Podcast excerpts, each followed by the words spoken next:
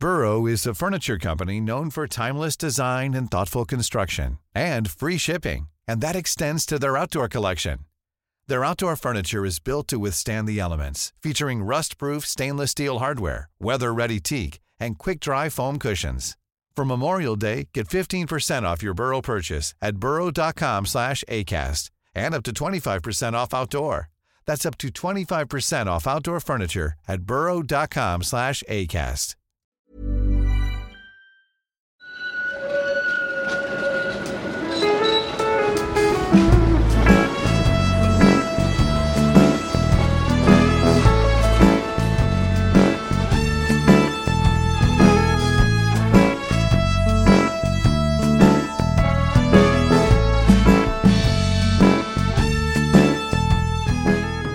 Hej och välkomna till Gator och torg i Göteborg. En podcast om platser i Göteborg. Jag heter Malin Fricke och jag är programledare i podden.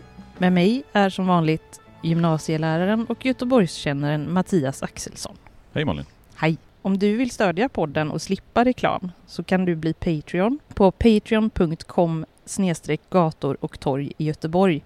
Alltså gå in på patreon.com snedstreck gator och torg i Göteborg. Viktigt att det är Goteborg. Ja, Goteborg. Inte Göteborg som inte får använda ö i webbadresser tyvärr. Sant. Ja, var är vi idag? Vi sitter på Konstmuseets trappor och tittar ut över en av de mest göteborgska av alla vyer. Vad är det vi ser när vi tittar rakt fram härifrån egentligen? Ja, vi ser ju den här eh, kända öppna platsen där Poseidon står och eh, ser mäktig ut här i mitten. Den stora eh, statyn som är en... Det är väl en av de kanske mest göteborgska symbolerna som vi överhuvudtaget har. Eh, Poseidon-statyn som står här på Ja, Götaplatsen precis. faktiskt. som också är en fontän. Och runt omkring här så ser vi ju också några av de pampigaste byggena i Göteborg. Ja, vi ser ju dels, ja, konstmuseet ser vi egentligen inte för det är ju här uppe vi sitter. Men vi ser ju stadsbiblioteket, vi ser konsthallen, vi ser stadsteatern. Stadsteatern. Precis, och sen så mitt emot där så har vi konserthuset som skymmer sig bakom ett av de träden som är på Götaplatsen. Och sen tittar vi bort förbi Poseidon-statyn så ser vi ju hela Kungsportsavenyn öppna upp sig eh, hela vägen ner till Kungsportsplatsen. Och den här platsen har ju faktiskt funnits här sedan egentligen jubileumsåret 1923. För det är i samband med att man ska fira Göteborgs 300-årsjubileum som den här platsen liksom tar sin första form. Så Götaplatsen hänger alltså ihop med jubileet 1923, nästan 100 år sedan då. Mm. Men vad fanns här före det? Ja, alltså redan när Göteborg grundas som stad 1621 och får stadsprivilegier av kung Gustav II Adolf så finns den här delen av Göteborg med som en del av stadens ägor. Det här är ju liksom någon form av utmarker till staden. Och på 16, 17 och en bit in på 1800-talet så används den här marken framförallt av göteborgska bönder. Man har sina betesdjur här, här ute. Och tittar man på kartor från de första århundradena av Göteborgs historia så kan man bland annat se att det står mulbete eh, utskrivet på den här delen av Göteborg. Och det är ju liksom ängsmarker och eh, den typen av verksamhet som har bedrivits här. Vi är ju ungefär en kilometer eh, kan man säga ifrån eh, där egentliga Göteborg, alltså där Kungsportsplatsen och Kungsporten någonstans öppnar upp sig för att ta sig in i Göteborg. Så hit upp är det väl sisådär en kilometer. Och på ungefär den här platsen, ett stenkast ifrån där vi sitter, så låg ju det landeri som från 1770-talet någonstans eh, fått namnet Lorensberg. Och namnet Lorensberg Eh, som satt, nej, har gett namn till hela den här stadsdelen, den kommer ju från Lorentz Petersen som eh, i slutet av 1770-talet tog eh, över och blev ägare till Lorensbergs landerier. Och under 1700-talet så har den här delen av Göteborg även fungerar som tobaksplantage. Jag och Daniel pratade en del om det när vi spelade in avsnittet om Kungsportsavenyn. För Kungsportsavenyn är ju liksom, ligger ju direkt anslutning till Götaplatsen, men vi valde att avsluta det avsnittet när vi kom fram just till Götaplatsen. För Götaplatsen är ju någonstans en plats i sin egen rätt som det i allra högsta grad är värt att göra ett eget avsnitt om. Och den här Lorentz Petersen, han startar 1823 en värdshusrörelse som sedan under det fortsatta 1800-talet växer ut till att bli en teater, man bygger en kägelbana, det finns en dansbana, det byggs även en skyttepaviljong. Och när Avenyn sen börjar bebyggas under slutet av 1800-talet, då sträcker ju den sig bara fram till Engelbrektsgatan. Och ovanför, eller nedanför blir det väl egentligen eftersom vi tittar rakt norrut, nedanför Engelbrektsgatan, så tillhörde det området fortfarande Lorensbergs eh, landeri. Och när då Kungsportsavenyn i slutet av 1800-talet står färdigt med de praktfulla bostadshus som kantar den här avenyn så finns det ingen egentlig avslutning på gatan utan den tar liksom tvärt slut vid Engelbrektsgatan och sen så tar Lorensbergs landeri över. Så när Kungsportsavenyn bebyggs i slutet på 1800-talet och står färdig så finns det liksom ingen tydlig avslutning så som det finns idag i och med Götaplatsen. Så, så som Götaplatsen ser ut idag, när började man egentligen påbörja det bygget? Ja, alltså första gången som eh, Götaplatsen nämns vid namn det är en artikel ifrån februari 1914 i Göteborgs Aftonblad. Eh, det är då som man första gången benämner den här platsen som Götaplatsen. Och exakt varför man kallar platsen för Götaplatsen, det vet man faktiskt inte säkert. Det finns ju givetvis en koppling till Göteborg och Götaplatsen och att det i närheten av Lorensbergs landeri även låg ett landeri som hette Göta landeri, så Götaplatsen föll väl sig ganska naturligt att man kallade den. Bebygga platsen, det börjar man ju inte göra förrän ytterligare ett par år därefter. Och det är i anslutning till firandet av Göteborgs 300-årsjubileum som man tycker att Kungsportsavenyn behöver få en pampig avslutning. Och Götaplatsen ska sedan också fungera som ingången till den stora jubileumsutställningen som invigs 1923. Och att vi firar, eller att vi i Göteborg firade 300-årsjubileet 1923 och, 19, och inte 1921, vilket var det verkliga 300-årsjubileumet. Det berodde ju på att det var ganska oroligt i omvärlden under den här tiden. Man hade faktiskt redan 1915, alltså mitt under det brinnande första världskriget, fått de första initiativen till att man skulle ha någon form av 300-årsjubileum. För när staden firade sitt 100-årsjubileum 1721 och när det firade 200-årsjubileum 1821, då var det inga som storslagna fester här i Göteborg. Men nu när det var dags för 300-årsjubileum, då tyckte man att det var läge att slå på stort. Och den liberale ordföranden för Göteborgs eh, stadsfullmäktige, Axel Kalander, som också var medgrundare till eh, SKF, alltså Svensk kullagerfabrik, han tyckte att eh, Göteborgs 300-årsminne skulle firas med en stor minnesutställning eh, över Göteborgs ärofulla förflutna. Men problemet var ju då att till 1921 så hann man inte göra någonting eftersom dels så hade vi ju första världskriget, sen hade vi kravaller i Göteborg under revolutionsåret 1917. Med ett engelskt ångfartyg så kom också spanska sjukan till Göteborg bara ett par år innan man skulle fira 300-årsjubileet. Och det var en djup ekonomisk depression i kölvattnet av första världskriget. Och allt det här gör då att man är tvungen att flytta 300-årsjubileet två år framåt. Så till 1923, då är man äntligen färdig. Då tycker man att nu är det läge att fira Göteborgs 300-årsjubileum. Och vad passade då bättre än att bygga Götaplatsen så att den skulle göra vad man kallar för en monumental avslutning på Kungsportsavenyn. Men hur såg det då ut den 8 maj 1923 när Gustav V kom till Göteborg för att inviga jubileumsutställningen? Ja, allting det som vi ser här idag på Götaplatsen fanns ju inte. Däremot så var ju konstmuseet färdigbyggt och konsthallen var färdigbyggd.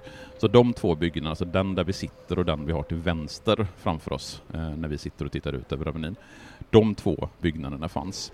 Eh, och där Stadsteatern står idag och där Konserthuset står idag, där fanns det två temporära byggnader som sen skulle komma att rivas efter jubileumsutställningen.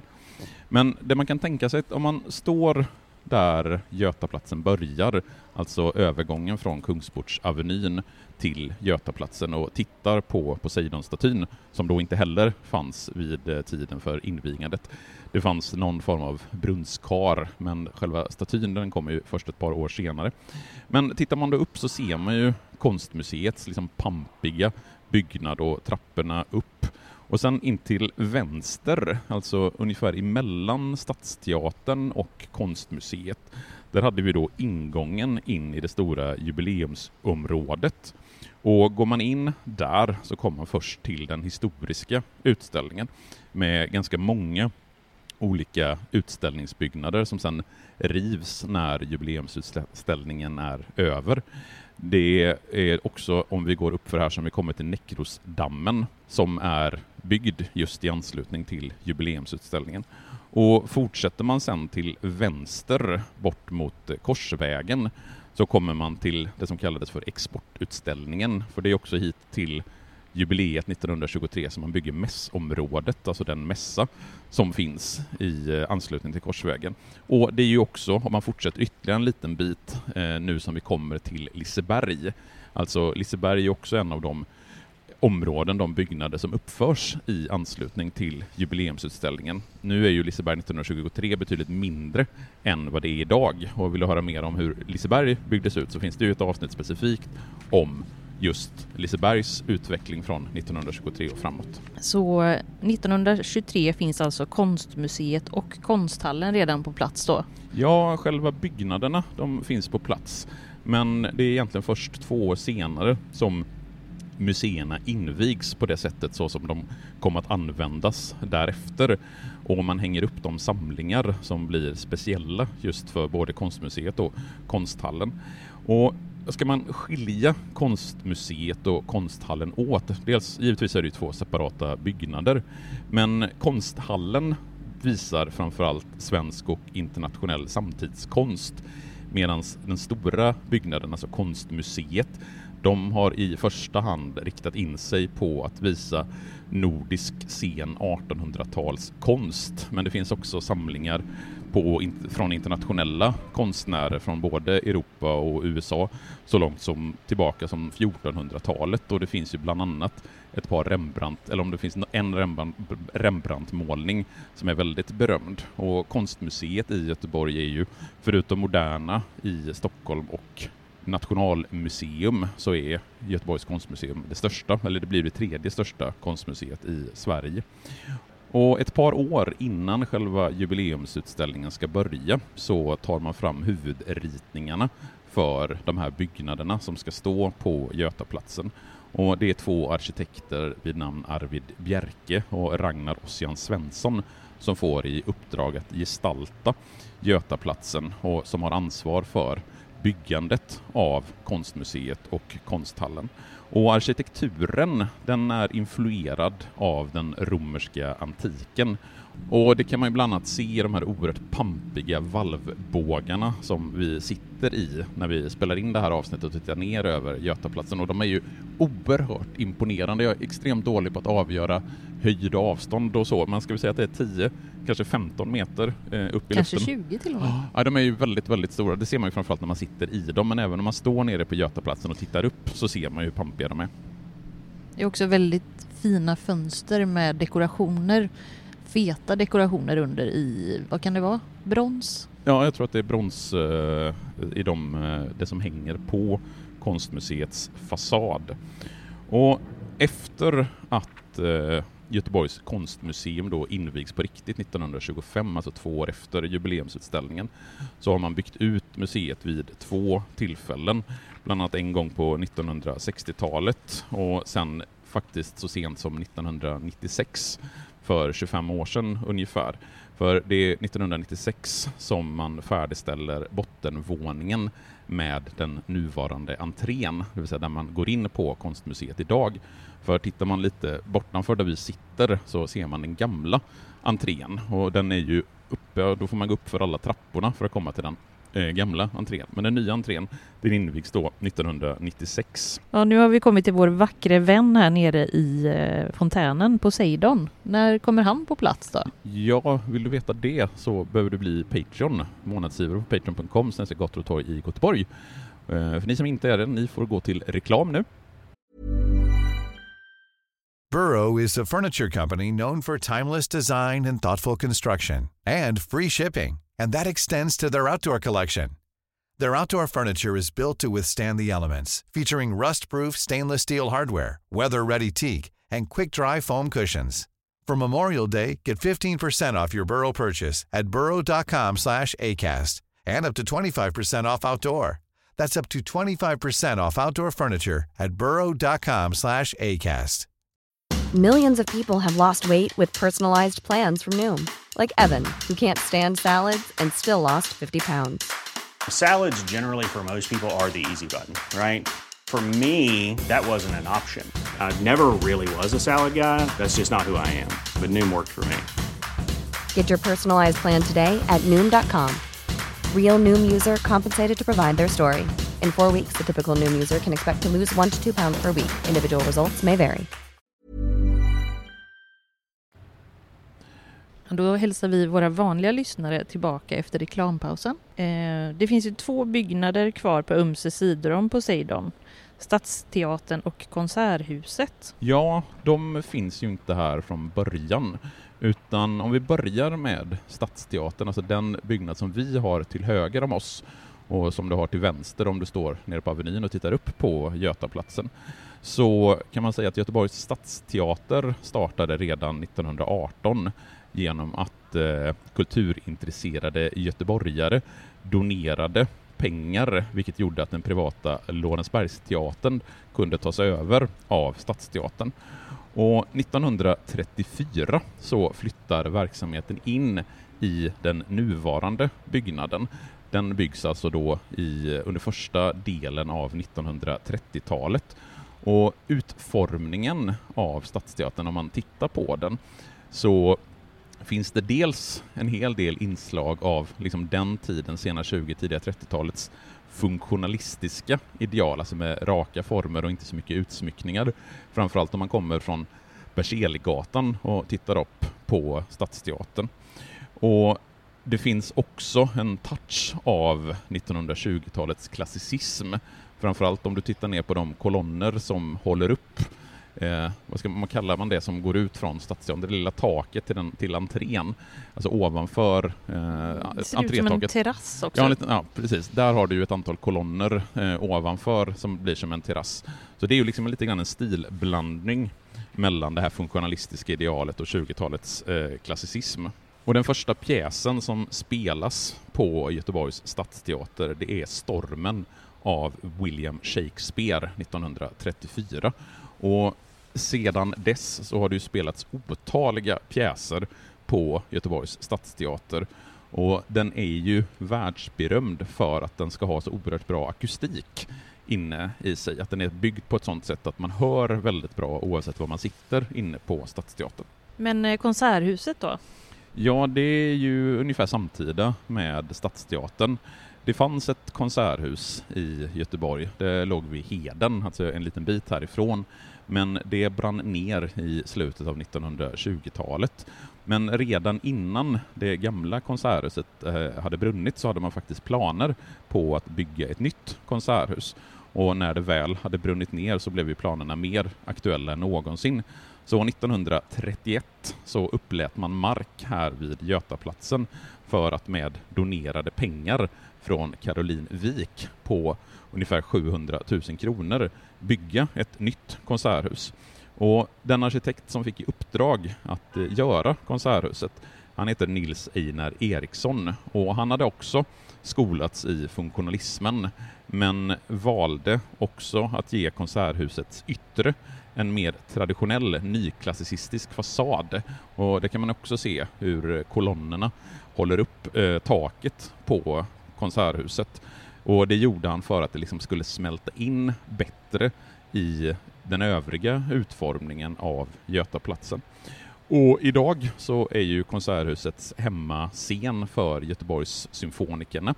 Och en liten intressant detalj som jag gillar att nämna med Konserthuset, det är ju att Galenskaparna och After Shave hade urpremiär för sin första föreställning, Skruven är lös, den 11 september 1982 i Stenhammarsalen inne på Konserthuset.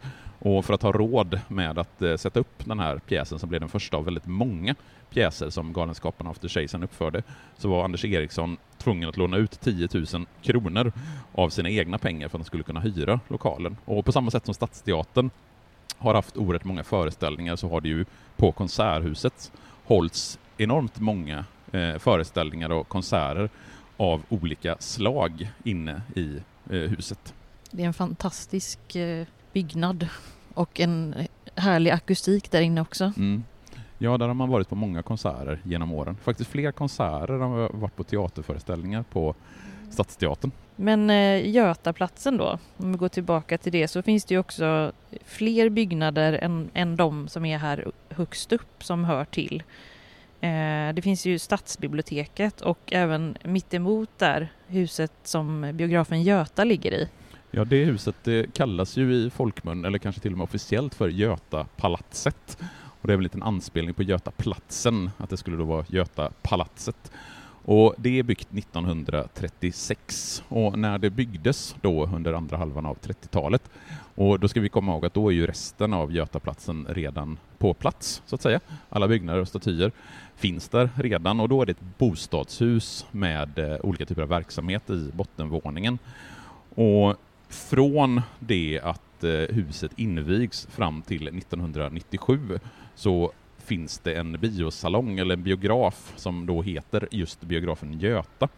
Och den biografen lades ner då under slutet av 90-talet och sen tror jag att Siba låg där under ganska många år. Jag vet att det har legat en pressbyrå i hörnet mellan eh, Berzelgatan, av eh, Götaplatsen, eh, fram tills att Götabiografen återigen flyttar in 2015 och under de senaste åren, jag tror att det är ganska nyligen, jag kan tyvärr inte sätta något exakt år på det, men där har det ju byggts till en eh, liten uteplats, eller man har byggt på de nedre delarna av Götapalatset så att det är en restauranglokal som inryms, så att om man ska gå och titta på en film på biografen Göta så kan man ju ta en, någonting att dricka eller någonting att äta på den här restaurangen som har sträckts ut för att eh, ytterligare, ytterligare gå ut i gatrummet. Och jag måste faktiskt få citera, jag läste i planbeskrivningen för när man skulle bygga ut, för det är så roligt att se hur man liksom formulerar sig när man ska argumentera för att man ska göra den här typen av tillbyggnader som man då gör på Götapalatset för bara några år sedan. Syftet är att skapa ett mervärde till platsen genom att möjliggöra för en tillbyggnad i markplan.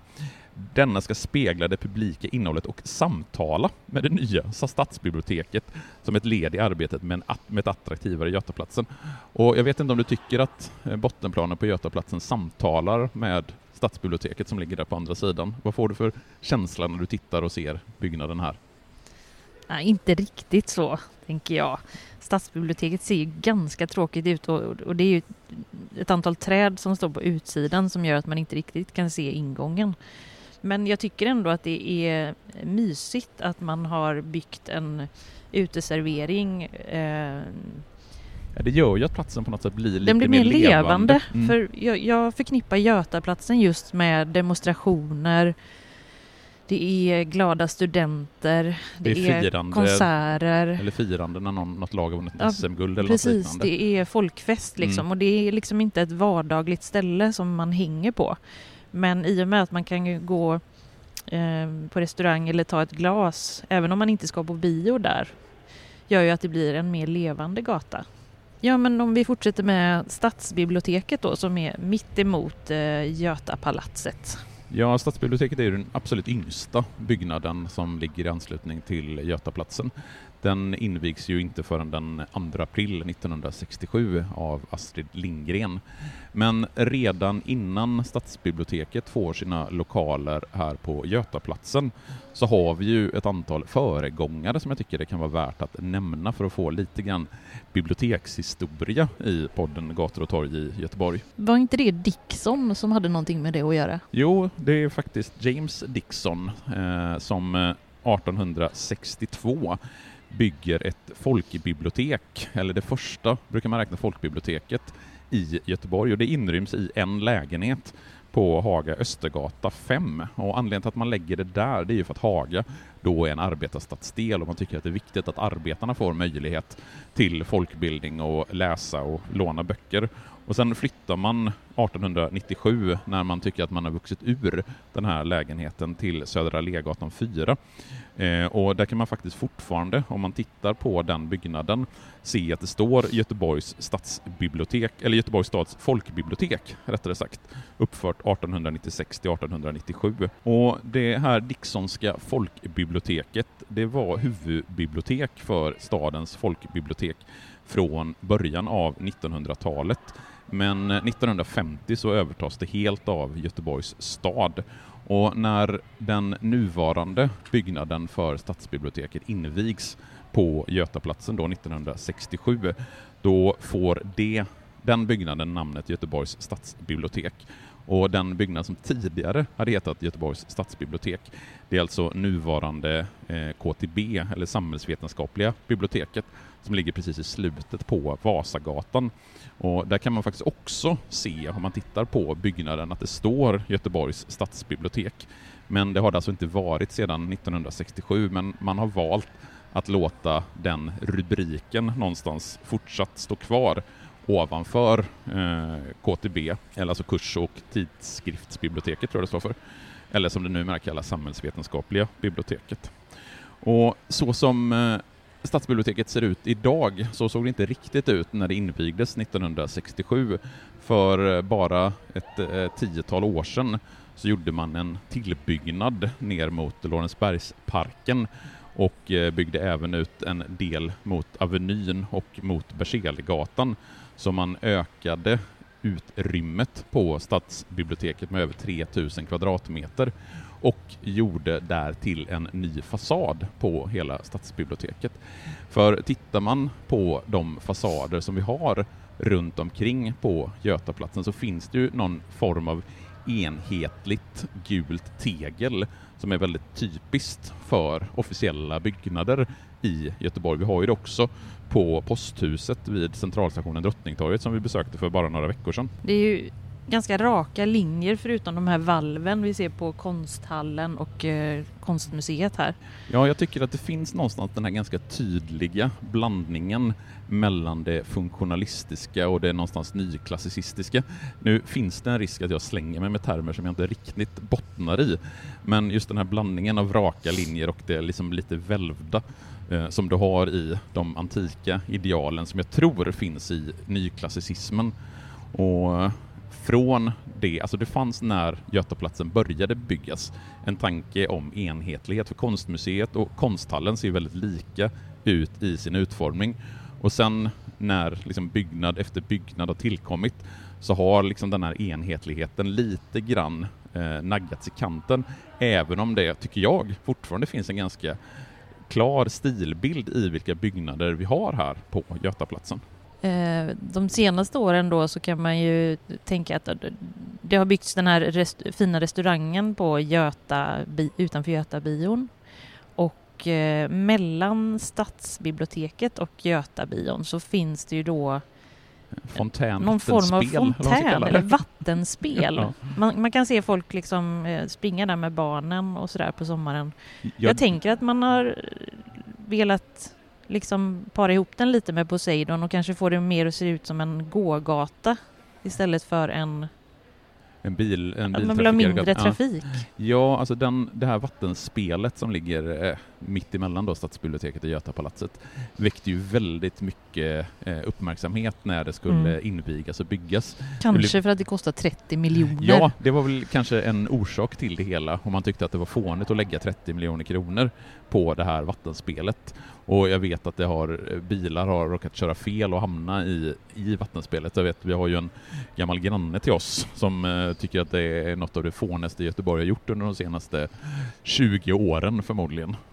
Ja, men det är ju våra skattepengar så hon Jo. har ju en... Det, absolut. Samtidigt, samtidigt så används ju skattepengar till just att förfina staden. Det var ju förvisso i mångt och mycket donationer som byggde en hel del av det som finns runt Götaplatsen. Men utan eh, skattemedel så hade man ju inte kunnat underhålla och eh, behålla eh, Götaplatsen så som den är. Och det som är intressant är ju att det kommer ju inte ske några förändringar rent arkitektoniskt med Götaplatsen eftersom hela Götaplatsen numera är byggnadsminnesmärkt. Länsstyrelsen fattade för inte så många år sedan ett beslut om att bygg, eh, byggnadsminnesmärka hela Götaplatsen, vilket gör att man kan inte riva eller bygga till hur som helst. Och jag kan tycka att det finns en god poäng i det, för även om man givetvis kan vara kritisk till Götaplatsen just i sin monumentalitet och att det inte är en plats, plats man liksom söker sig till i sitt vardagsliv, så tycker jag ändå att den fyller sin funktion just som en, någon kan man säga, officiell representationsplats. Jag vet att vi pratade en del om det när vi pratade om Gustav Adolfs torg. Det är också ett ganska dött torg i någon mening. Men i mitt tycke så behövs även den typen av platser i en stad just för att kunna till exempel samla stora folkmassor i samband med demonstrationer. Jag vet att Socialdemokraterna brukar ju traditionellt avsluta sina första majtåg på Götaplatsen och särskilt när Ja. Olof Palme var statsminister så var det ju jättemycket människor som samlades här. Frölunda hockeylag brukar fira sina SM-guld. Olika det, parader, Pride-paraden går förbi här och... ja, jag vet det att under VM sommaren 1994 badades friskt i fontänen när Sverige tog brons i USA. Så, så platsen fyller ju någonstans ändå sin funktion. Ja, för, för evenemang och kultur och, och eh, polit, politiska, Politiska, event. Och, och jag tänker att det behövs finnas, för du kan komma hit och vara här utan att det kostar dig någonting. Alltså det finns inget krav, för att ska du till exempel vara på Andra Långgatan som är en väldigt levande plats, för att ta en väldigt konstig parallell kanske. Men ska du vara på Andra Långgatan och det ska fin- liksom finnas något värde i att vara där, då måste du betala för dig. Du måste sätta dig på en krog och dricka öl och det kostar pengar, även om det kan vara billigt på Andra Långgatan. Alltså För- det är en offentlig Det är en miljö. offentlig miljö som vem som helst kan befinna sig på utan att det kostar pengar. Och jag tycker att det finns ett värde i att ha sådana platser i en stad. Ja, men då säger vi tack och hej för den här gången. Ja, innan du förfryser dina fingrar så, Ja, tack. så tackar vi alla lyssnare, särskilt ni som är månadsgivare på Patreon.com. Bli gärna det så får ni lyssna på hela det här avsnittet, även den delen om statyn Poseidon. Så hörs vi igen om två veckor. Hej då. Hej då!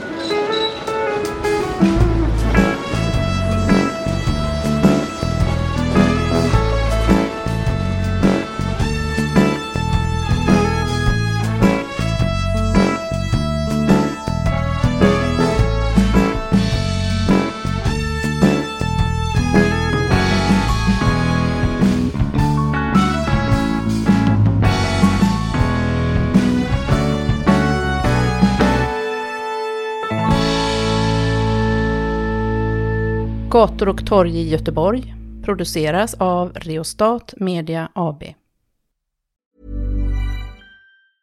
Mom deserves the best, and there's no better place to shop for Mother's Day than Whole Foods Market. They're your destination for unbeatable savings, from premium gifts to show-stopping flowers and irresistible desserts. Start by saving 33% with Prime on all body care and candles. Then get a 15-stem bunch of tulips for just $9.99 each with Prime. Round out Mom's menu with festive rosé, irresistible berry chantilly cake, and more special treats. Come celebrate Mother's Day at Whole Foods Market.